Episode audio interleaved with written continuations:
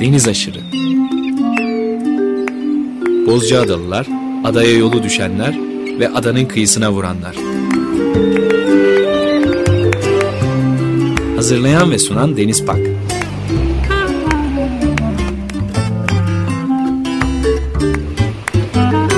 Türkiye için rüzgar enerjisi üreten Demirer Enerji'ye katkılarından dolayı teşekkür ederiz. Açık Radyo 94.9 frekansında deniz aşırı ortamdan klasik olarak Bozcaada'dan gerçekleştirdiğimiz fakat bu hafta Kaz Dağları'nda e, Çamlıbel Köyü'nden gerçekleştireceğimiz yeni bir deniz aşırı programıyla daha tekrar birlikteyiz. Bu hafta e, Çamlıbel Köyü'nde Zeytin Bağı'ndayız. Zeytin Bağı'nda Erhan Şeker ile bir aradayız. Erhan siz de biz de hoş geldik programa. Hoş geldiniz e, Zeytin Bağı'nı e, dinleyicilerimiz daha önceki e, programlarımızda senin eşin Necla ile daha önce konuşmuştuk. Orada Kaz Dağı'ndaki altın arayışıyla alakalı konuşmuştuk. Onu da sorarım hatta şu anda ne aşamada diye. Ondan önce de Tuncel abiyle beraber yaptığımız programda Tuncel Kurtiz'le birlikte gerçekleştirdiğimiz programda buradan program gerçekleştirmiştik.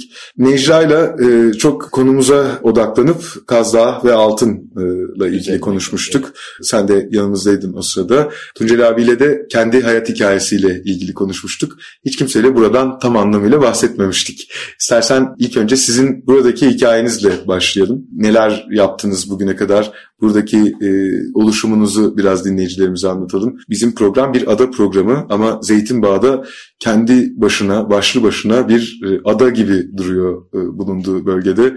Bu anlamda birbiriyle örtüşen çok değerli bir konu olduğunu düşünüyorum. Sürdürülebilir yaşamla ilgili de sizin göstermiş olduğunuz örnek bu konuyla alakalı en önemli e, örneklerden bir tanesi olarak karşımıza çıktı. Şimdi ilk gelişim 1997 de oldu. Ondan önce sürekli olarak Kaz Dağı'na gelirdim. Bursa'da yaşıyordum. E, hafta sonları yürüyüş yapmaya gelirdim. İşte Cuma günü yola çıkıp Cuma, Cumartesi, Pazar akşamı 3 gece kalıp Pazartesi sabah erkenden şehre dönerdim. E sonra öyle bir hal aldı ki işte güçte uğraşamaz olduk buraları düşünmekten, yürüyüş, doğal hayata. E, 97 yılında işi gücü bırakıp buraya yerleşip küçük bir pansiyon açıp hayatımızı burada sürdürmeye karar verdik. İşte e, ben o zamanki eşim, e, kız kardeşim ve Tuncel abi dördümüz ortak bir hayat sürüp e, yine ufak uğraşlarla hayatımızı burada idare ettirelim diye düşünüyorduk. Tabii ondan sonra iş çok farklı boyutlar almaya başladı. İlk iki sene inşaatla uğraştım. Bir köy evinde yaşadım. Ee, köy evine ilk yerleştiğimde uyku tulumunda yatıyordum. Hiçbir şey yoktu. Çünkü Bursa'dan küçük bir çantayla gelmiştim. E, Akça'ya inip boya malzemelerini aldım ve e, acemi boyacı olduğum için elimi, yüzümü, saçımı, başımı da boyamışım. Köy kahvesine öğlende mola verip kahve içmeye gittiğimde, çay içmeye gittiğimde birisi işte yukarıdaki evde siz mi çalışıyorsunuz dedi. Ben çalışıyorum dedim abi boya işini götürü mü aldın yömiyeyle mi çalışıyorsun diye sordum. ne cevap vereceğimi şaşırdım. Ondan sonra tabii köylülerle içli dışlı olduk. 10 ee, senedir çalışıyoruz. 10 senedir e, yaz aylarında 10 kişi, kış aylarında 4-5 kişi çalışıyor. Pansiyonumuzda, otelimizde, koyun evimizde ne dersek diyelim ve hep köylülerle işimizi görüyoruz. Dışarıdan kesinlikle eleman almıyoruz. Ee, iki sene sonunda inşaatı bitirdik. İnşaattan kastımız tamamen taş ve e, buradaki bütün. köy dokusuna e, birebir örtüşen evet, evet, müthiş evet. olağanüstü mekanlar. Yani önüme bir proje koydular. Bu projeyi yapacaksınız dediler. Buradan bir mimar arkadaşımla anlaştım. O da dedi ki bana 3-4-5 diye bir kural vardır dedi. Bunu açarsan bütün evler Gönye'ye gelir dedi. Bir de dedi bir hortum vardır dedi. İçini su doldurursun. Onunla da terazi alırsın dedi. Kolay gelsin dedi. Aşağıdan başlayacaksın dedi inşaatı yapmaya. Çünkü bayağı kod farkı olan bir yerde. Tamam dedim ben de yani hayatımda hiçbir inşaat falan. Neyse biz köylü ustalarla başladık yavaş yavaş. Sonra inşaat bittince çok şaşırdım ben. Dedim bilseydim ki bu kadar büyük bir şey olduğunu kesinlikle girişmezdim bu işe. Yani cesaret edemezdim. E, inşaatın sonuna doğru ben taş duvar örmeyi öğrendim e, taş yontmayı öğrendim, biraz marangozluk öğrendim. İşte bugün de artık 10 sene sonra kendi marangoz atölyemizi kurduk. Kendi çiftliğimizi kurduk, hayvanlarımızı yetiştiriyoruz. Bahçemizde e, yaklaşık 10 çeşit şu an kekik yetiştiriyoruz yabani ve kültür olmak üzere. Bütün meyvelerimizi, sebzelerimizi kendimiz yetiştirmeye çalışıyoruz. Kış aylarında e, sera ürünlerini konuklarımıza ikram etmemeye çalışıyoruz. Yani kışın ne bileyim bizim kuru domates varken, salça varken, güzelim salçamız varken niye serada yetişmiş bir domatesi verelim? Yani bu illaki yani şey yerini bulsun diye gelenek ya da e, servis yerini bulsun diye böyle bir şey yapmak bana çok ters geliyor. Ama onun için de kendi e, doğrularımızla bu işi yapmaya çalışıyoruz. Tabii ki ona göre de konuklarımız oluyor. Bizim misafirlerimiz daha ziyade işte böyle beş yıldızlı otellerden, büyük otellerden bıkmış, daha samimi, daha küçük yerlerde mutlu olabilecek, biraz yürüyüş yapmayı seven, biraz doğayla baş başa kalmayı seven e, insanlar... Kentten de artık yığılmış neredeyse. Yığılmış tabii ki yani e, şey çok enteresandır mesela işte giriş kapısından baktığımda aşağıdan bir yorgun bir savaşçı görüyorsun. Diyorum ki bu ya finans sektöründe ya işte bütün bilgisayar başında. Genellikle de yanılmıyoruz.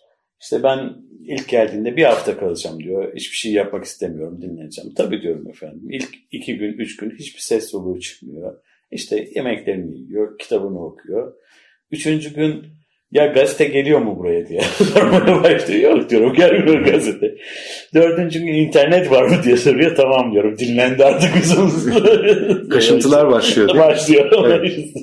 başlıyor. Ama bizim tabii öyle şeylerimiz yok. Çünkü bizim hayatımızı hayvanlar dolduruyor. Bahçe dolduruyor. İşte e, mantar çıktı mı efendime söyleyeyim. Keçi yavruladı mı? E, ya da peyniri böyle mi yapalım bu sene içine ot mu koyalım, karabiber mi koyalım? Bizim kaygılarımız bundan ibaret. Çünkü bizim hani burada trafik derdimiz yok, giyim kuşam derdimiz yok, yetişme derdimiz yok. Hiçbir yere geç kaldık, erken gittik. Ee, bizim kaygılarımız tamamen daha farklı. Bu sene ak kız 200 milyar olacak, 300 milyar olacak. Biz bu tür şeylerle hayatın yani bu tür şeyle uğraşıyoruz. Ve yaşayabiliyoruz da burada. Yani böyle böyle bir yaşamda kurulabiliyor. Çünkü e, insanların en büyük kaygısı işte İstanbul'da ya da büyük şehirlerde çalışırken iyi kazanıp e, kazandığını tekrar o şehre bırakmak. E, ve küçük yere gittiğince acaba ben nasıl geçinirim? Hayatımı nasıl idame ettirebilirim? Halbuki küçük yerlerde e, yaşayan insanların profesyonel bir iş yaşantıları e, ya da profesyonel kurumlarda çalışmaları olmadığı için çok daha amatörce işlerini sürdürüyorlar ve siz bu bölgelerde e, şehirdeki birikiminizi getirdiğiniz zaman ne iş yaparsanız yapın aslında başarılı oluyorsunuz. Yani bir e, tamirci bile açsanız daha farklı bir tamir yapıyorsunuz ve e, hayatınızı rahatlıkla sürdürebilirsiniz. Yani bunun için hiç korkmaya gerek yok bence. Çünkü e, 10 sene önce bölgemizde ki çok önemli bir zeytinyağı merkezidir. İşte Edremit Havzası, Ayvalık'tan Küçükkuyu'ya kadar çok önemli e, ve kaliteli zeytinyağları üretilir. Ama bütün bizim üreticilerimiz zeytinyağını pet şişelerde, kolonya, e, Coca-Cola şişelerinde satarlardı. Sonra işte dışarıdan gelen bir arkadaşımız e, bunları şişelerini ya da kutularını dizayn etti, grafiklerini yaptırdı, daha güzel ambalajlar yaptırdı bölgede bunu uygulamaya başladı. Şimdi çok daha farklı bir noktaya geldik. Evet, güzel ambalajla e, aynı ürünü yani, çok daha değerli bir şekilde, şekilde e, satabilmeyi satır. de öğretmiş oldu aslında. öğretmiş oldu. E, şeye çok fazla inandım. Yani burada yaşadığımız sürece bizim köylüyle olan alışverişimiz çok arttı. Yani şey hani adam kahvede oturuyordur ama hakikaten bir filozoftur aslında. Yani çünkü onun da hayata dair söyleyecek o kadar fazla şey var ki o kadar fazla şey biliyor ki o da bizim bilmediğimiz şeyleri biliyor. Onun için bazı maalesef e, şehirden gelip yerleşen arkadaşlarımız e, köylülere ders vermeye kalktıklarında o tatsız şeyler ortaya çıkabiliyor. Yani biraz empati kurmak lazım ve hakikaten dinlemek lazım. En çok kırıldıkları şeylerin başında işte o sana kahvede bir çay ısmarladığı zaman onu içmen lazım. Yani içmezsen hani beni adam yerine koymuyor, beni dinlemek istemiyor diye. Burada yaşayanlarla, e, gelmiş olduğunuz köyde yaşayanlarla e, barışık bir yaşam Barışık sürmek ve bütünleşmiş. bu işin sırrı en önemli. Kesinlikle. Yani bir organizma gibi düşünün. Yani o sizi içinde barındırması lazım. Sizin de ona uyum sağlamanız lazım. Ama tabii ki her şey bir yere kadar. Yani tamamen onların şartlarını kabul edip ederek değil. Bir alışveriş içerisindeyiz. Bir iletişim halinde olmak. Yani sizin Hı hı. e, getirmiş olduğunuz koşulları da onlar örnek alıyor çoğu zaman. Kesinlikle, kesinlikle. Tabii Siz ki yani bir onlardan- model oluşturuyorsunuz. Evet. Yani böyle bir yaşam kurulabilir ya da böyle bir iş yapılırsa ama layıkıyla yapılırsa bununla da bir e, aile geçinebilir. Böyle bir hayat kurulabilir. Hı hı. Mesela bu benim organik tarımda da böyledir. Çünkü insanlar özellikle bizim köylümüzün bir şeyin e, yapıldığını görmesi lazım. Yani cesaret edemiyor. Ama sen doğru düzgün organik tarımda mal yetiştirip pazara sunarsan, bunu satarsan ve bundan da para kazanırsan Örnek teşkil ediyor. örnek bu. teşkil ediyor ve Evet. taklit etmeye başlıyorlar. Zaten öyle değil midir? Yani eskiden de şehirlerde bir videocu açılırdı İstanbul'da. Bütün sokak videocu olurdu ya da herkes borsacı olurdu. Yani bizim mm, millet olarak öyle bir şeyimiz var. Bak o yapmış diye. evet. Ondan sonra zaman içerisinde işte şeye çok fazla e, imkan tanıyor, olanak tanıyor. Yani insan kendi kendini keşfetmeye başlıyor. Ulan ya ben odun da kesiyormuşum ya da ya yemek de yapıyormuşum derken işte öyle bir serüven başladı. Bir anlamda kendini keşfetme süreci Tabii de ki, diyebiliriz tabii ki, buna. tabii ki e, kendini keşfetme çünkü kendine çok fazla zaman ayırabiliyorsun. Yani şehirde harcayacağın yolla harcayacağın saatleri burada kendin için ayırabilirsin. Çünkü iş yerin yürüyüş mesafesinde 3 dakikada gidiyorsun, 5 dakikada gidiyorsun. E, onu fark ediyorsun sonra yani hayatının ne kadar çabuk geçtiğini, ne kadar değerli olduğunu ve insanın kendisi için zaman ayırmasının ne kadar önemli olduğunu farkına varıyorsun. Bu çok önemli bir şey. Evet. Çünkü yani bir hengame içinde yaşamıyorsun. Tada tada yavaş yavaş doya doya bir hayat yaşıyorsun. İşte bademlerin ağır, e, çiçek açtığını görüyorsun. Ondan sonra meyveye yattığını görüyorsun. İşte budanması gerektiğini öğreniyorsun. Nasıl budanması gerektiğini öğreniyorsun. Hiçbir şeye uzak değilsin. Her şey bir internet mesafesinde ki verimli olarak kullanılırsa hiçbir şekilde karşı değilim. Her şeye ulaşabiliyorsun. Evet. Sonra işte İnternet de hayatı çok kolaylaştırıyor böyle bir yerde. böyle bir yerde kolaylaştırıyor. Yani neye nasıl ulaşacağını biliyorsun en azından. Önemli olan da o. Zaten yani bu ulaşım şartlarıyla da elinde olmayan bir şey. Transferi çok kolay. Yani kargolar var, şeyler var.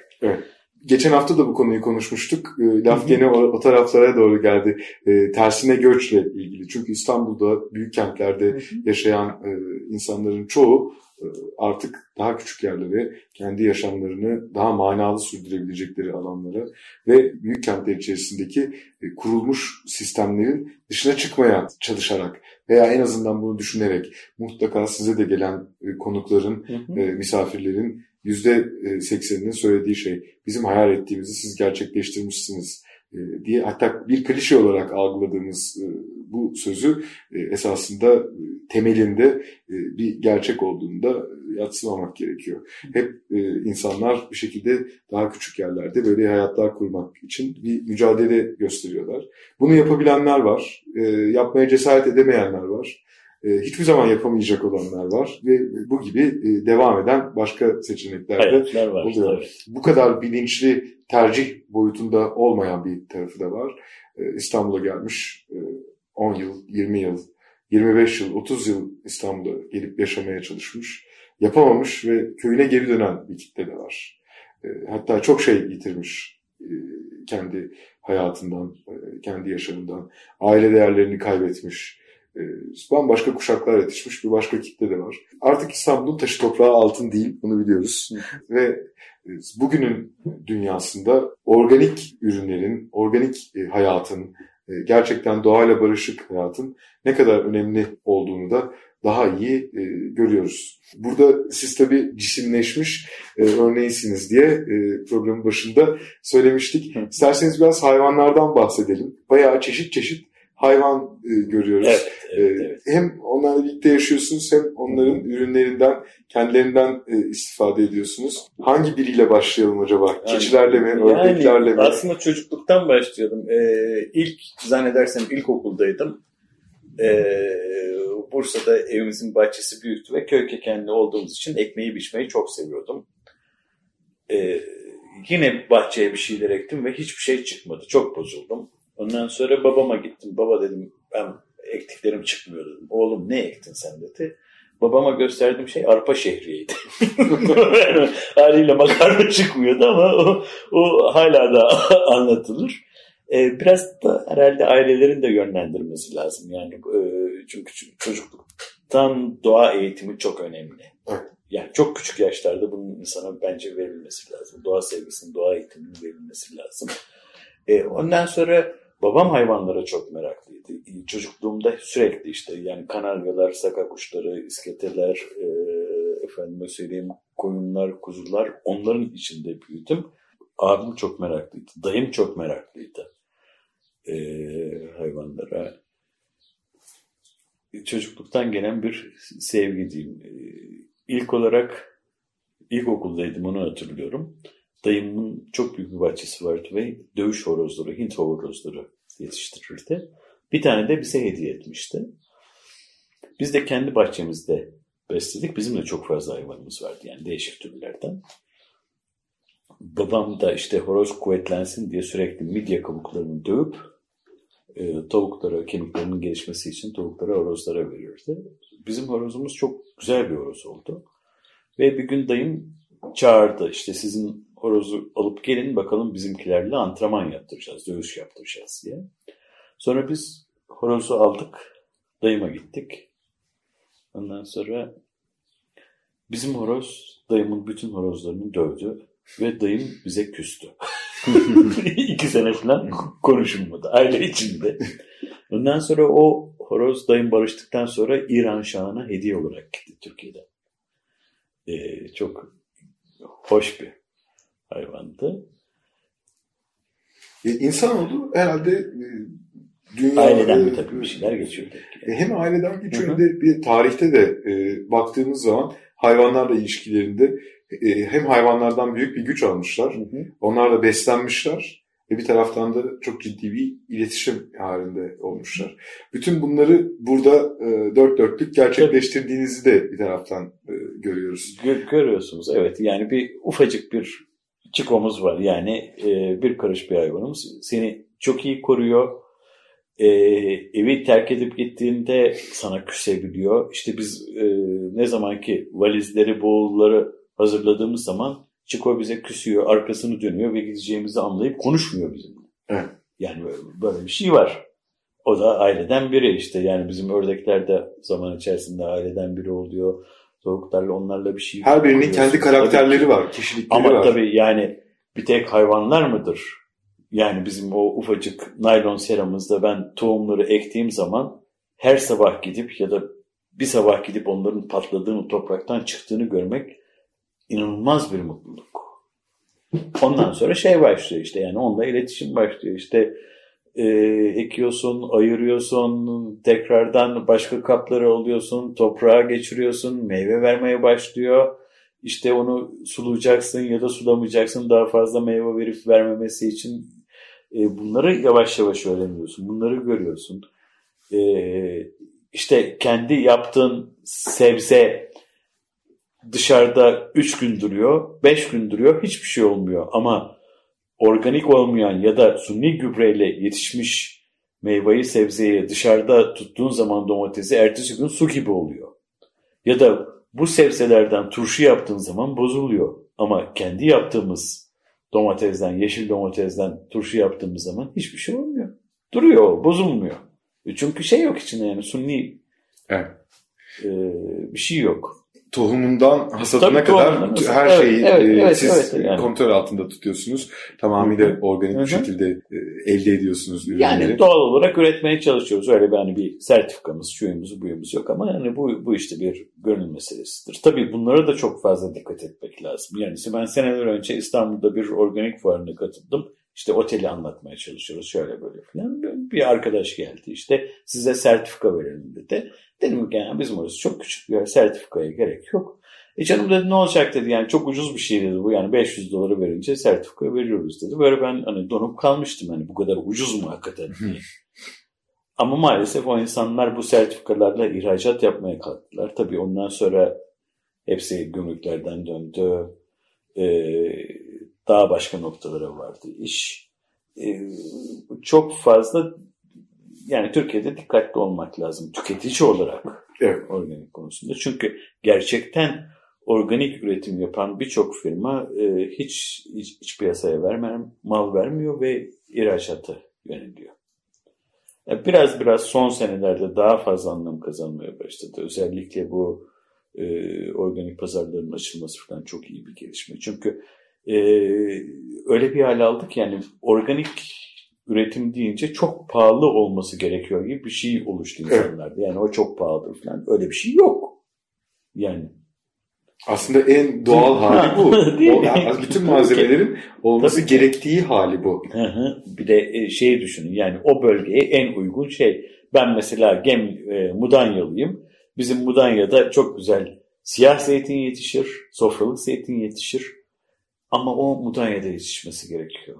Onu Kaz Dağı'na getirdiğim zaman, Edremit Körfezi'ne getirip ektiğimiz zaman aynı sonucu alamazsın. Çünkü oranın işte iklimi farklıdır, yağışı farklıdır, toprağı farklıdır, havası farklıdır.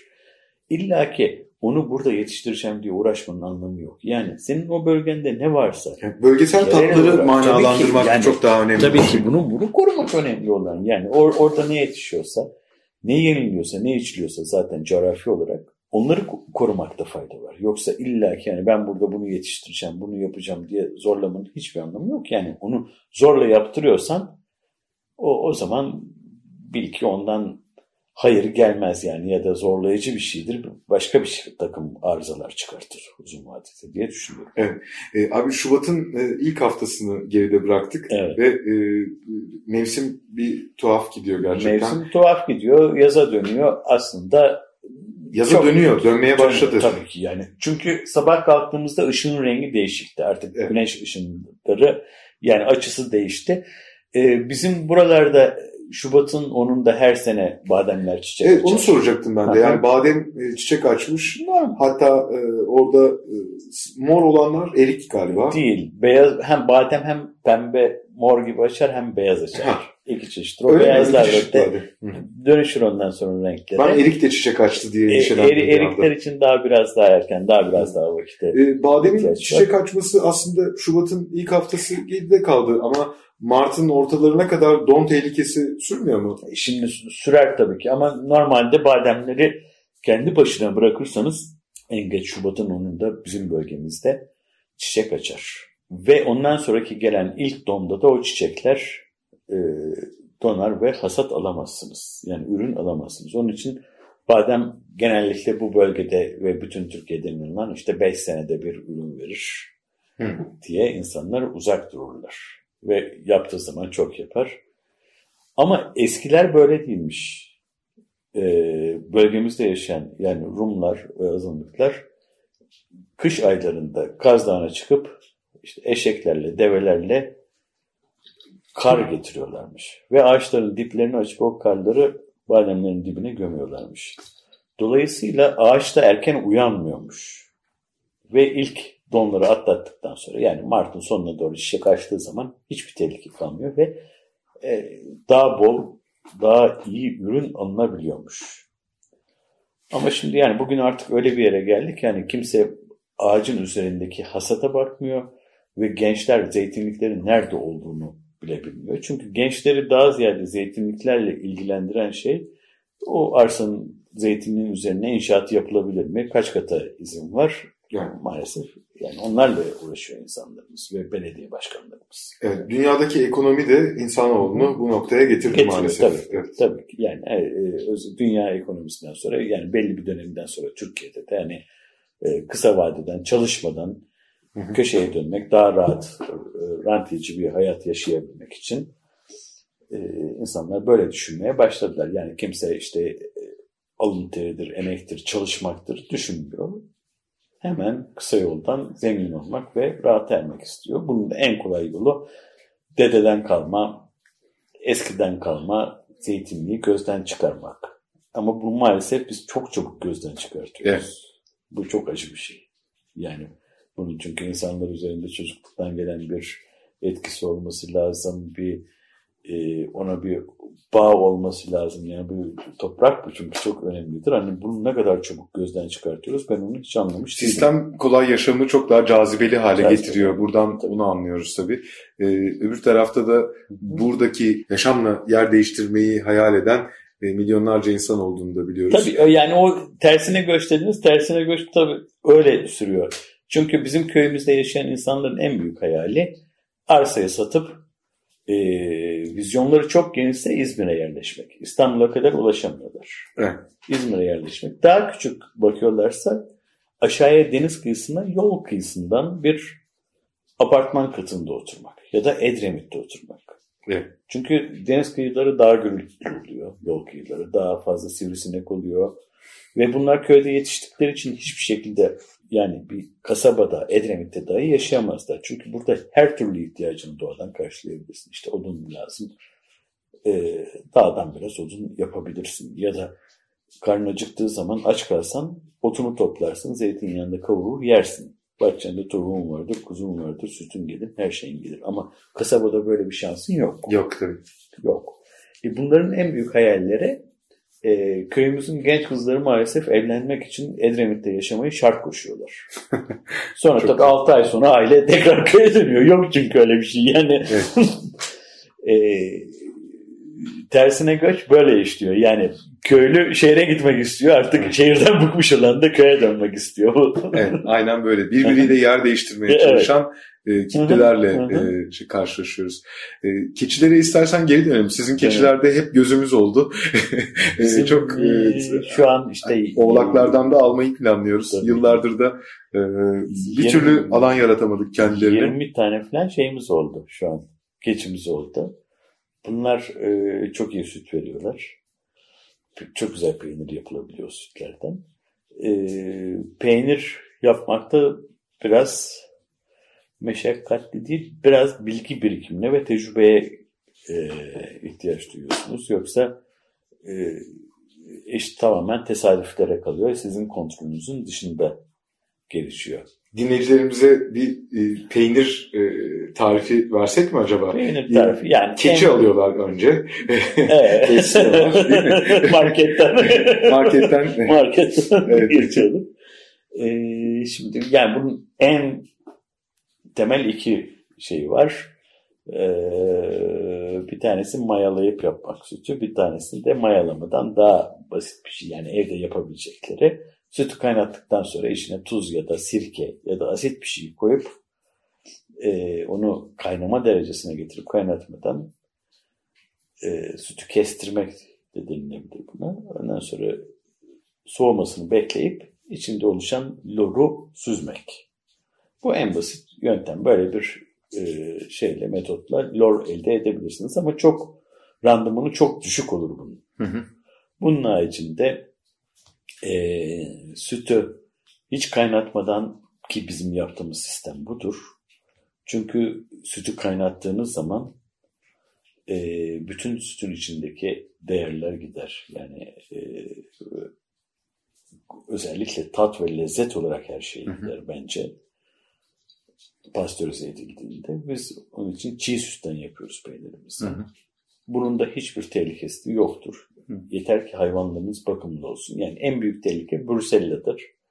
Brusella olup olmadığını da hayvanın düşük yapmasından anlarsınız. Eğer Brusella varsa ölü doğumlar olur ya da erken düşük yapar. Hı. Keçi ya da koyun. Bu, bu kadar basittir. Ama biz ne yapıyoruz? İşte hayvanlardan kan alıp onu gidip laboratuvarda test ettiriyoruz. İşte temiz çıkıyor zaten genellikle iyi bakıldığı için. E, hiçbir tehlikesi olmuyor. E, bir diğer ikinci önemli konu da sağımın temiz olarak yapılması lazım. Bunun için de süt sağım makineleri var. Yani hiçbir şey değmeden, araya hiçbir şey girmeden öyle bir sağım yapıyorsunuz. Ondan sonra temiz sütünüzü süzdükten sonra hiç kaynatmadan 32 derecede falan zaten 37 derecede sağlıyor. 32 derece ile 34 derece arasında havanın sıcaklığına göre mesela lodos havalarda daha soğuk sütte yapabilirsiniz. Çünkü hava sıcaktır. Ama hava serinlediği zaman biraz daha sütün ısısını arttırmanız gerekiyor. Artı ne tür peynir yapmak istiyorsunuz? Yani yumuşak mı yapmak istiyorsunuz, sert mi yapmak istiyorsunuz? Bütün kaynama dereceleri ve peynirin kesilmesi, kırılması bunları etki eden faktörler. Sert, raihalı bir koyun, keçi peyniri yapmayı planlıyoruz. Tamam mesela. o zaman çok iyi kırmanız lazım. İçindeki bütün suyu attırmanız lazım. Hı. Peynirin e, ya da telemenin diyeyim. Yani ilk kaynatıldıktan sonra ortaya çıkan yani mayasını koyduktan sonra teleme diye bir şey oluşuyor böyle. Hı hı. Hafif şey e, kaygan. E, onu çok iyi kırmanız lazım. Çok iyi kırarsanız bütün içindeki suyu atarsınız. E, ki buna serum da denir. O suyu attıktan sonra iyice süzerek ve iyice baskı uygulayarak sert bir peynir elde edebilirsiniz. Bundan çıkan o serum peynir altı suyu diye e, adlandırılır. Onu tekrar kaynatarak iyi bir lor elde edersiniz. Ama daha iyi lor elde edebilmek için peynir altı suyuna bizim bölgemizde tekrar bir süt katarlar. Mesela Hmm. Ayvalık'ın sepet loru çok meşhurdur. Onun içine tekrar süt katarsanız hakikaten gerçekten sepet, Sepet peyniri sert bir lor değil mi? peyniri ayrı, sepet loru ayrı. Ha, sepet loru ayrı bir şey. Ayrı bir şey. Yani lor peynir altı suyundan yapılıyor. Sepet peyniri, sepette yapılan bir peynir. Hı hı. E, ikisi ayrı. E, çok başarılı lor dediğimiz, İtalyanların ricotta dediğimiz, Yunanlar da yaparlar. Yani bütün Akdeniz şehrinde yapılan loru e, elde edebilirsiniz. Ki Lor bizim bu arada- bölgemizde çok fazla kullanılıyor. Yani Evet. biz tatlısını yapıyoruz, böreklerde kullanıyoruz, makarnalarda kullanıyoruz. E, Kahvaltıda tereyağı e, yerine kullanabilirsiniz ve çok daha sağlıklıdır. Tabii ki Evet. sağlıklıdır çünkü içinde yağ yoktur. Yağ Yani, yoktur, evet. e, Lorun öyle bir şey Balla var. beraber Hı? nefis bir lezzet. Ayrıca mesela e, bunu biraz tuzlayıp e, fırınladığınız zaman eski bir saltlama yöntemidir. Çünkü eskiden yani e, peynir yaparken çok fazla lor çıktığı için bu kadar da ulaşım fazla olmadığı için lor çabuk bozulan bir şey olduğundan insanlar çok dayanması için bunu tuzlarlarmış ve küçük kavanozlarda, küçük kaplarda biriktirip e, onu sürekli yoğurarak, her gün yoğurarak mesela e, kopanisti diye bir peynir bu e, özellikle İzmir bölgelerinde işte Çe- Çeşme ve o Karaburun'da oralarda kopanisti diye bayağı rayalı kokulu bir peynir elde edilirmiş. E, yine Ayvalık tarafının yine bizim bölgemizin Kirli Hanım diye bir peyniri vardır. Bu da yine aynı şekilde lordan e, tuzlanarak, yoğrularak ve fırınlanarak elde edilen bir peyniri. E, bugün tabii ki bu peynirler kalmadı. Niye kalmadı? Çünkü çok büyük pazar var. Taze olarak tüketilebiliyor ve saklama yöntemi olarak buna ihtiyaç duymuyor insanlar. Bu da bizim geleneklerimize ne kadar hani Sadık e, kaldığımızla ilgili bir göstergedir. Evet. kalmadığımıza Evet. e, e, ilgin bir gösterge. Herkes yani geleneklerini bütün e, milletler korurken eskiye bağlı özellikle yemekle ilgili yani beni yemek ilgilendiriyor. Korurken biz hemen terk edebiliyoruz. Yani e, bu tamamen unutulmuş bir yöntem. Halbuki 50 sene önce insanlar işte loru bu şekilde saklıyorlarmış. Ama şimdi e, işte şey çıktığı zaman yani fabrikasyon bir şey çıktığı zaman bunun hemen yerini alabiliyor. Bu tabii ki düşüncücü ve üzücü bir şey benim için. Gelenek zaten böyle oluşuyor. Tabii. Ya yüzyıllar boyunca e, sürdürülen Hı hı. e, ve Yani yaşanan hikayelerin e, bir e, neticesi olarak e, Örneklerini de çoğaltabiliyorsun. O zaman Hı. bu inşaata da yaş- yansıyor ya da işte başka üretim teknolojilerine de yansıyor. Her her şeyde her şeyin çok çabuk değiştiğini ve tükendiğini görebiliyoruz. Halbuki yani eskiye baktığın zaman işte o binaları göremiyorsun, o yaşamı göremiyorsun, o üretimi, o kaliteyi göremiyorsun. Her şey daha ucuz ve maalesef kötü oluyor. Bu bir sindirim meselesi galiba. Sindirim sistemi sağlam çalışan e, beyinlerde, e, vücutlarda e, ancak e, vücut buluyor diyelim istersen. Evet e, uzun bir zamandır konuştuğumuzu görüyorum. Birçok hikaye var aslında e, konuşulması gereken. E, daha e, ne detaylar var konularla ilgili derinleşebileceğimiz. Çok kısaca istersen programın son bölümünde Çamlıbel Köyü'nü biraz dinleyicilerimize aktaralım. Burası tam hayallerimizde e, yaşattığımız bir yamaç köyü diyelim. Tam bir dağ köyü değil, değil herhalde. Değil. E, çünkü deniz seviyesine e, oldukça yakın bir yer. Tabii 150 metre uzak e, yüksekliğimiz bizim. Kaz Dağı'nın eteklerindeki bütün köyler aslında e, dağın üzerinde değildir. Hepsi yamaçtadır. Hı hı. Dağın üzerinde hiçbir yerleşim bölgesi yoktur. 150 ile 250 metre e, rakımlarda, rakımlarda kuruludur. Yani 100 metreden başlar köyler 150 metreye kadar devam eder. Deniz kıyısında kurulu hiçbir köy yoktur. Hı hı. Ee, Sonradan sarfi, sayfiye yerleşmesi. Sayfiye yerleşmesi deniz kıyıları tehlikelidir çünkü. Yani de, deniz yükselir. Hı hı. Ee, ne yapacağı belli olmaz denizin. Ne yapacağı yani. belli olmaz. Ee, rahat değildir. İşte sivrisinek olur, e, rutubet olur denizden dolayı. Artı bir de e, dağlar dik olduğu için denize her vadi bir çağlayan ve yeri geldiğinde sel gelir. Şimdi aşağıya indiğimiz zaman yazlıklar dere yataklarına kurulmuş. Diyorlar ki insanlar yani buradan bir yazlık alın alın tamam ama burası dere yatağında. E, gelmez. Gelir. Yani senin ne zaman geleceği belli olmuyor. Köye gelin yaşlılarla konuşun. Size şeyi anlatırlar. Yani biz denizde e, domuzların yüzdüğünü gördük diyorlar. Yani öyle bir sel geliyor ki hayvanı şu bunu önüne katıp denize indiriyor. Ve ondan sonra insanlar ayaklanıyorlar işte devlet nerede şöyle oldu böyle oldu. E, yani bu binayı yapanın, yaptıranın, alanın hiç mi bunda sorumluluğu yok? Yani bunu, bunu göreceksin artık yapmayacaksın bu hatayı. Bu, bu çok basit bir şey. Bin Pınarlı İda'nın evet, yani, eteğindesin. 5 sene önce şeydeydim yani Altınoluk'taki köprü gitti. Ve ben gözümle şahit oldum köprünün nasıl yıkıldığına. İşte sel geldiği zaman çamları söküyor ve yuvarlanmaya başlıyor. Çam yuvarlandıkça yan dalları kırılıyor ve tamamen bir tomruk kalıyor. Selle beraber füze gibi gelip köprüye vuruyor. İnanılmaz Bundan yıkıcı bir 10 tane geldiği zaman köprü on dayanamıyor gidiyor. Tabii. Yani düşünebiliyor musunuz böyle bir gücü, böyle bir kuvvet? Evet. Ve senin nasıl geldiğini anlayamıyorsunuz. Evet, bu yıl e, yani, Esat Bey'in de aralarında olduğu bir çok e, şeydir yani bu doğanın çok beraber evet çok basit bir kanun. Bir aile Hiçbir şekilde doğaya karşı gelmeyeceksin.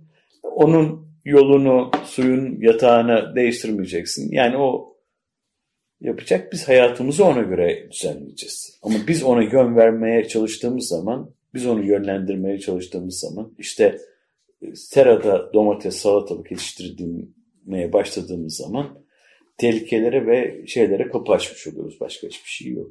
Evet, doğayla Her barışık olmak çok, çok daha, tabii ki önemli. Yani çok daha evet. kolay ve hayat hakikaten daha kolay yani. Yani kış aylarında bir takım bir şeyleri tüketmesek, yazın karp, kışın karpuz yemesek ne olur? Yani illa her şey elinin altında her daim olacak diye bir şey yok. Evet. E, her şey zamanında da güzel zaten. Kesinlikle mi? zamanında güzel. Yani Tadı, dünyanın kaynakları sınırlı. Bunları ne kadar tüketeceğiz, ne kadar koruyacağız hepsi bizim elimizde olan şeyler. Evet. E, köyde kaldık. Köyü istersen biraz daha dinleyicilerimize anlatalım. Bu tam e, Çamlıbel Köyü Güre'nin az ilerisinde, az ilerisinde evet. e, yamaçta e, kuruldu. 150 metre yükseklikte. Köyümüz genellikle Midilli Adası'ndan göçenler, e, Yugoslav göçmenleri ve e, yörük, yörüklerden Hı. oluşmakta. Çok az bir göç var dışarıdan gelen çok az. E, temel geçim kaynağı zeytin ve incir. Ama gitgide onlar da azalıyor dediğim gibi işte yani Hı-hı. göç oluyor. Gençlerin konuya sahip çıkmamasıyla ilgili. Tabii ki tabii ki gençler daha ziyade e, büyük şehirlere gidip işte polis olmak, asubay olmak ya da devlet sektöründe e, çalışmak istiyorlar işte hayatlarını garantiye altına alabilmek için. İşte biz de ufak kendi çapımızda e, gençleri burada küçük programlar yapıyoruz. İşte onlara yabancı dil kursları veriyoruz.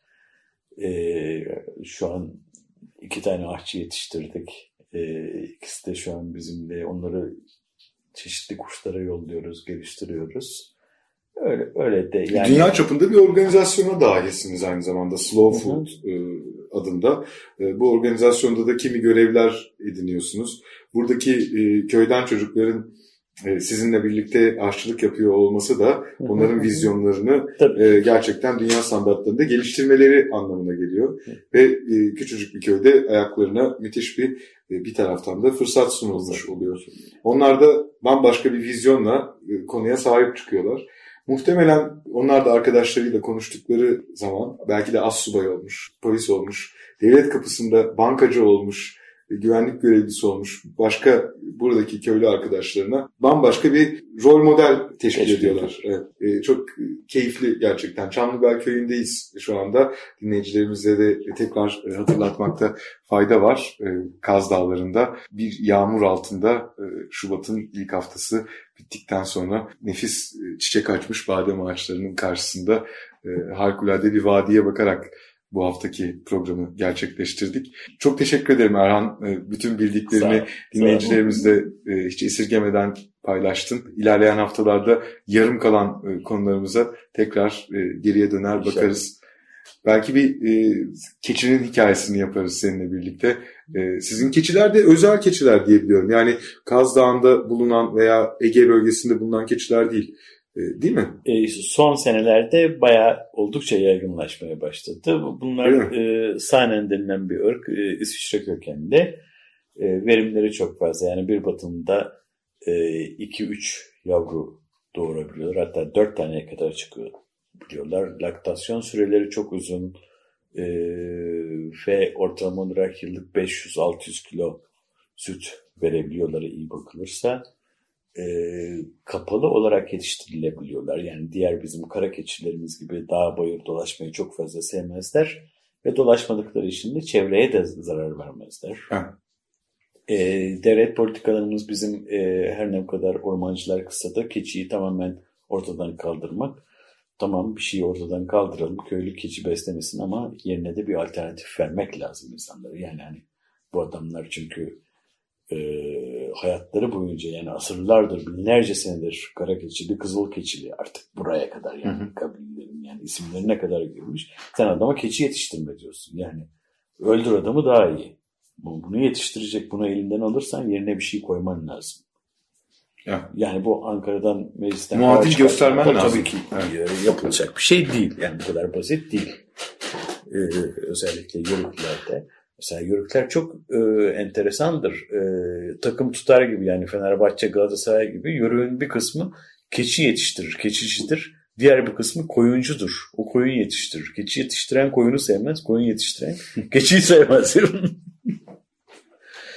e, ama sen yani adamın elinden bunu alırsam ya bu adamın geçmiş yani çocuğun elinden oyuncağı almak gibi bir şey. Yani hayatı bununla bütünleşmiş adam. Bütün her şeyi bu.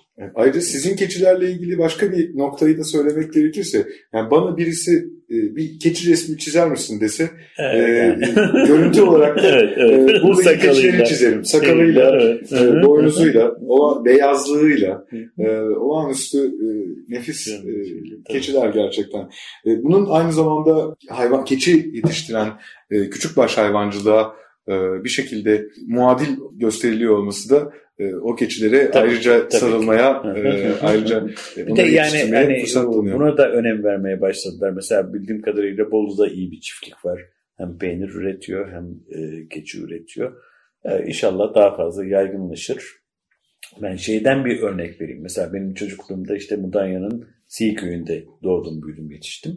Bizim köyümüzde büyükçe bir sürü vardı. Her evde 3-4 tane işte koyun, keçi bir şey vardı. Ve ee, bir akşam hiç oturmadan hesap yaptık. İşte köyde 300 baş hayvan olsa 5'er 100 gram süt verse köye şu kadar süt giriyor. E bugün kaç tane bakkal var? Gelin dedik bakalım konuşalım sizde. Kaç kilo süt satılıyor günde? Kaç kilo peynir satılıyor? Kaç kilo yoğurt satılıyor? Korkunç bir fark var arada. Yani sürü olduğu zaman bu sütler peynire dönüşülüyordu, yağa dönüşülüyordu, e, yoğurda dönüşüyordu ve insanlar bunu tüketiyordu. Ki nüfus o zaman çok daha azdı. Nüfus çoğaldı. Nüfus çoğalmasına karşın tüketim inanılmaz düştü. Bir de tabii yani doğal yöntemle elde edilen peynirin besleyiciliği, içindeki şeyleri, maddeleri sorm söylemeyeyim. Çünkü artık e, Türk sanayi öyle bir hale geldi ki süt kullanmadan kaşar peyniri yapıyoruz. Evet. Yani bunu bile başardık. Evet, bu yani hatta biraz hakikaten insanların oturup düşünmesi gerekiyor. Gerçekten öyle. E, Türkiye'deki süt sektörüyle ilgili inanılmaz büyük arızalar var diyelim. Ayrıca burada biraz siyasi de olacak belki ama e, süt tozu e, ithaliyle ilgili e, çok büyük şaibeli hikayeler de var. Hı. Türkiye'de süt endüstrisini aşağı o kadar aşağı çektiler ki e, süt üreticisini e, neredeyse büyükbaş hayvancılıkla da elde edilen süt üreticisini bambaşka bir e, noktaya çektiler. E, bu konuyu e, saklı tutalım. İlerleyen haftalarda tekrar e, bu konuyla ilgili konuşmaya devam ederiz. E, çok teşekkürler. Ben teşekkür ederim. Çamlıbel Köyü'nde e, gerçekleştirdiğimiz bu haftaki programın e, konuğu Erhan Şeker'di. Önümüzdeki hafta Salı günü saat 11'de Açık Radyo 94.9 frekansında yeni bir Deniz Aşırı programında buluşuncaya dek hoşçakalın. Hoşçakalın.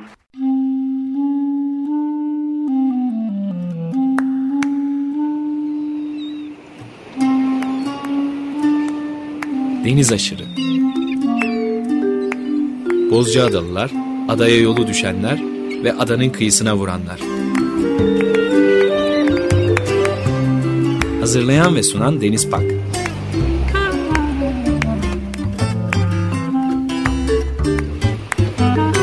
Türkiye için rüzgar enerjisi üreten Demirer Enerji'ye katkılarından dolayı teşekkür ederiz.